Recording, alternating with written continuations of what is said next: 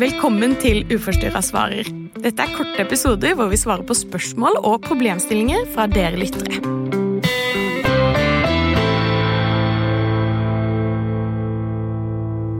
I dag Maria, så har vi fått et spørsmål som handler om det her med intimitet og spiseforstyrrelser. Så hvor skal vi begynne? Altså, Intimitet og spiseforstyrrelser det sier jo på mange måter seg selv at det kan bli veldig utfordrende. Ja, eh, og det tenker jeg jo kan eh, kan være både mens en står i spiseforstyrrelsen og ei stund etterpå. Um, det er jo ikke uvanlig at når en sliter med en spiseforstyrrelse, at en har fått en del um, utfordrende følelser knytta til kroppen sin. Uh, og at uh, kroppen kanskje har blitt ekstra personlig også. At det er på en måte um, En har begynt å legge så mye i den. Så det å skulle gradvis begynne å slippe noen inn på den, Mm. At det kan være ganske skummelt. Ja, og så er det liksom noe med det der med å være intim med noen, og det med også å skulle ha sex og alle de tingene her. Det er, det er så veldig nært, og i det så ligger på en måte også nakenhet, som er kanskje noe av det vanskeligste eh, man har, fordi at ja, man er jo avkledd på alle mulige måter. Eh, så jeg tenker liksom at Eh, jeg har så veldig forståelse for at, at det er vanskelig. Og jeg tror også det er viktig å, å minne seg selv på at dette her er vanskelig for ofte alle, selv om man ikke har en spiseforstyrrelse. Så er det her med å vise kropp, det med å være tett på hverandre, det, det er utfordrende. Mm. Og spesielt kanskje også hvis man kjenner på at man er veldig usikker på egen kropp. Eh, kanskje man misliker kroppen sin kjempesterkt. Og da blir det sånn veldig rart å skulle være på en måte i nær relasjon til noen hvor noen kanskje setter pris på kroppen din. Så blir det sånn Jeg liker den overhodet ikke, men du gjør det. Eh, at det nesten blir sånn krasj. Og jeg tror også veldig mange har en tanke av at jeg fortjener ikke å ha det godt. Eh, og når man da på en måte kjenner på den varme klemmen eller den nærheten, at det også krasjer litt grann, eh, med tanken man har om hva man fortjener. Og det tror jeg også er en veldig sånn langvarig prosess med å kanskje klare å, å nyte å være nære noen. Og at det er noe som for mange kan ta litt lang tid. Ja, og um, det er jo klart at i det å skulle tørre å slippe noen nær inn på seg, er jo det også en fare for avvisning. Mm. Um, og det er jo sårt for alle. Uh, men kanskje ekstra sårt hvis en da eksempel har en lav sjølfølelse, eller i utgangspunktet er veldig usikker på, på kroppen sin, som du mm. sier. At da blir det blir den fallhøgda kanskje ganske stor, da.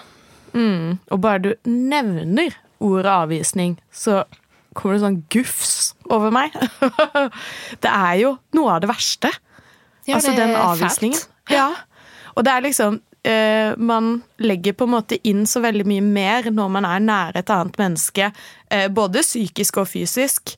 Eh, og hvis man da får den avvisningen, eh, så, så har man på en måte man har betta så veldig mye mer, altså verdi, eller hva jeg skal si, eh, inn i det. Og så føler det liksom Det føles så innmari mye mer inngripende og som et kjempetap og sorg å skulle liksom få liksom Nei, ikke Jeg vil ikke mer av deg, eller Ja, det er det er rett og slett eh, forferdelig, og det tror jeg også er litt sånn viktig at vi også normaliserer. At at det er faktisk ikke bare de som er i en spiseforstyrrelse, som kanskje syns at det her er kjempevanskelig. Eh, det her er noe veldig menneskelig. Men jeg tror også i det du sa i stad, det her med kanskje hvis man har en lav selvfølelse, så blir det på en måte verre. Og ja, absolutt, og det ser man jo også i en spiseforstyrrelse, at veldig mange har jo også en lav selvfølelse. Det er jo ofte det vi sier at liksom ofte ligger litt sånn til grunn for eh, spiseforstyrrelsen. Det er den lave selvfølelsen, eh, og så kan kanskje noen lure litt på nå, ja, men hva er selvfølelse? Eh, og det er jo på mange måter OK, hva er jeg verdt? Mm. Eh, hvem er jeg i denne verden? Eh, og for noen, hvis man da får avvisning, så kan det på en måte gjøre at hele korthuset raser sammen.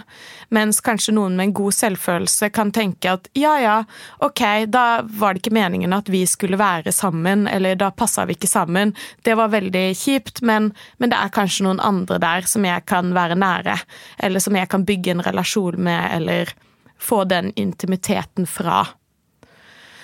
Så jeg mm. tror jo at man er jo inne på mye bare ved å snakke om den selvfølelsen. Ja, og så er det jo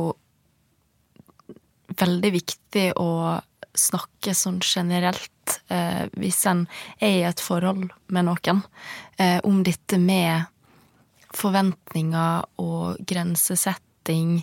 Eh, hva trenger du, hva trenger jeg? Hva er ok for deg, og hvor går de grenser? Uh, fordi at uh, Hva skal jeg si Det å sette grenser, for eksempel det å av og til uh, kunne si nei til partneren sin når det kommer et ønske om å være nær eller ha sex, det er også noe som skal være helt greit. Mm. Um, og der må det jo igjen være raushet fra begge parter. At uh, det er ikke nødvendigvis en avvisning.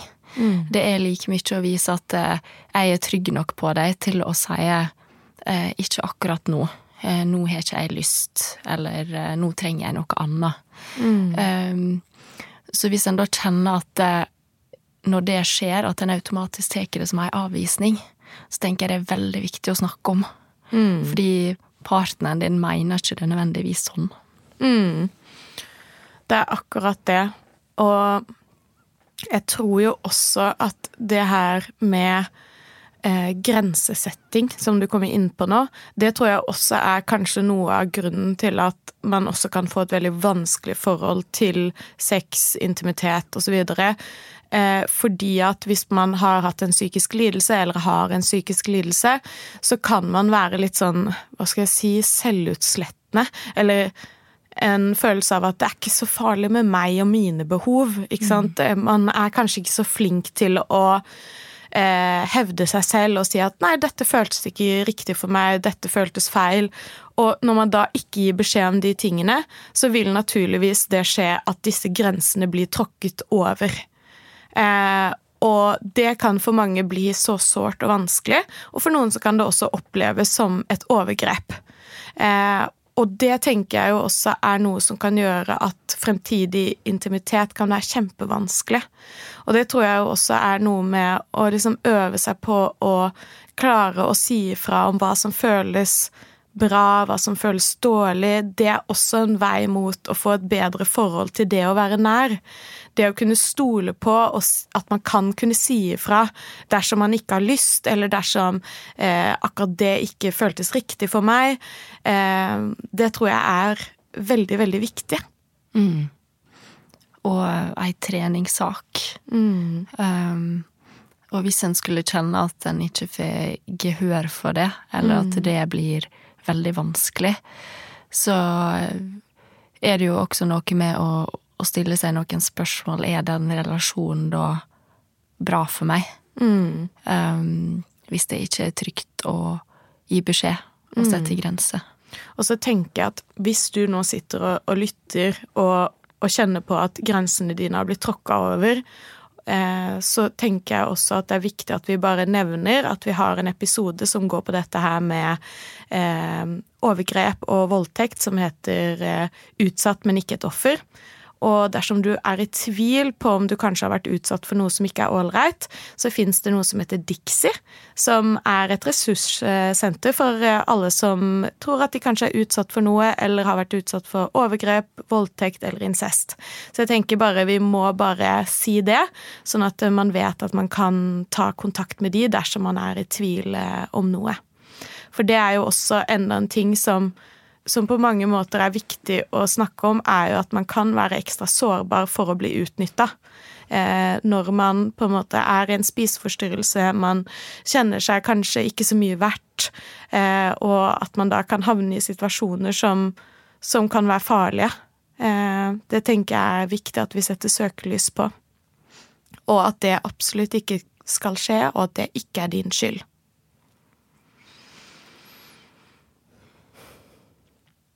Så hvis vi ror litt tilbake igjen til det her med intimitet Hvordan kan man bygge opp eh, et bedre forhold til det å være nær? Jeg tror jo at det handler om kanskje kommunikasjon med den man er med. At man kan snakke sammen om hva som føles greit, og hva som ikke føles greit. Og kanskje også være åpen om at dette her er vanskelig for meg. Det er vanskelig for meg å vise meg naken, og at det er et tema man kan få lov til å snakke om. Mm. Ja, og jeg tror jo at det å fortsette å jobbe med seg sjøl og, og forholdet til egen kropp også er veldig vesentlig. For det er jo klart at eh, eh, en kan ikke lene seg fullt ut på en annen person, eller eh, være avhengig av bekreftelse fra andre, eller at en blir så um, sår for avvisning fordi at en ikke har fått bygd opp det fundamentet i seg sjøl. Så det å også jobbe med å finne ut hvordan kan jeg bli mer um, tilfreds i min kropp. Um, og der har jo du vært inne på før, ikke sant, dette med å faktisk kunne være i ei garderobe og ta litt inn over seg at det finnes veldig mange ulike kropper, og min er en av dem. Eh, og kanskje flytte fokuset litt over på hva funksjon kroppen har. Um, og det å eh, I den nære settingen med en partner kanskje også Jeg tenker jo det er veldig fint hvis en kan tulle litt, eller ufarliggjøre ting litt. At det på en måte blir litt sånn morsomt heller, å utforske hverandre sine kropper, og at det, det ikke trenger å være liksom så alvorlig, da, eller hva jeg skal si. Mm. Ja, det, jeg tror du er inne på noe der, at det er faktisk lov til å tulle litt også i de situasjonene. Og så tenker jeg også at det her er jo avanserte greier, ikke sant, hvordan man er nær et annet menneske. Så, så, jeg tenker jo også at hvis du kjenner på at det her er kjempevanskelig Altså, jeg, jeg, vet ikke helt om jeg klarer å bryte ned den muren, eller det er bare kjempekomplisert, så tenker jeg jo også at det er veldig viktig at vi minner om at det her er også noe som er kjempefint å ta opp med enten hvis du går til samtale med en rådgiver eller til en psykolog. For dette kan være dyptliggende ting mm. som virkelig man trenger å ta tak i. Så for mange så vil det være viktig sant, med langvarig oppfølging og liksom dykke litt ned i hva som ligger der. Så hvis du kjenner at det her er et stort problem for deg, så vil jeg bare liksom tipse om at det er viktig med profesjonell behandling. Mm. Jeg tenker jo også at det er viktig å nevne det her med lyst. Eh, altså, det er for mange så kan den bli påvirket når man er i en spiseforstyrrelse. For noen så kan man rett og slett ikke ha lyst til å være intim, eh, man har kanskje ikke lyst til å ha sex. At driften er rett og slett nedsatt. Og det tenker jeg jo også kan handle mye om ikke sant? Hvis man er veldig undervektig, så går det jo utover hormoner osv. i kroppen. Så det er jo også noe som er veldig vanlig for mange. Men det er også viktig å si det at det ikke alltid er sånn at det går utover eh, driften. At man rett og slett eh, For noen så kan det være sånn at man kjenner på at man ikke har noe lyst lenger, og for andre så kan det være det samme. Så helt avslutningsvis eh, her, Maria. Har vi noen siste ord? Jeg tenker at kommunikasjon er veldig viktig. Eh, både hvordan en snakker til seg sjøl, om seg sjøl, men også hvordan en kommuniserer i den relasjonen der nærhet, intimitet, oppstår. Eh, og at eh, det både skal være raushet fra begge parter, men også eh, at det skal være mulig å, å sette grenser. Takk for at du lyttet til podkasten vår. Dersom du kjenner deg igjen, eller noen rundt deg, så kan du ta kontakt med oss på nettros.no. Denne podkasten er laget av Ros rådgivning om spiseforstyrrelser, med god hjelp fra produksjonsbyrået Både og.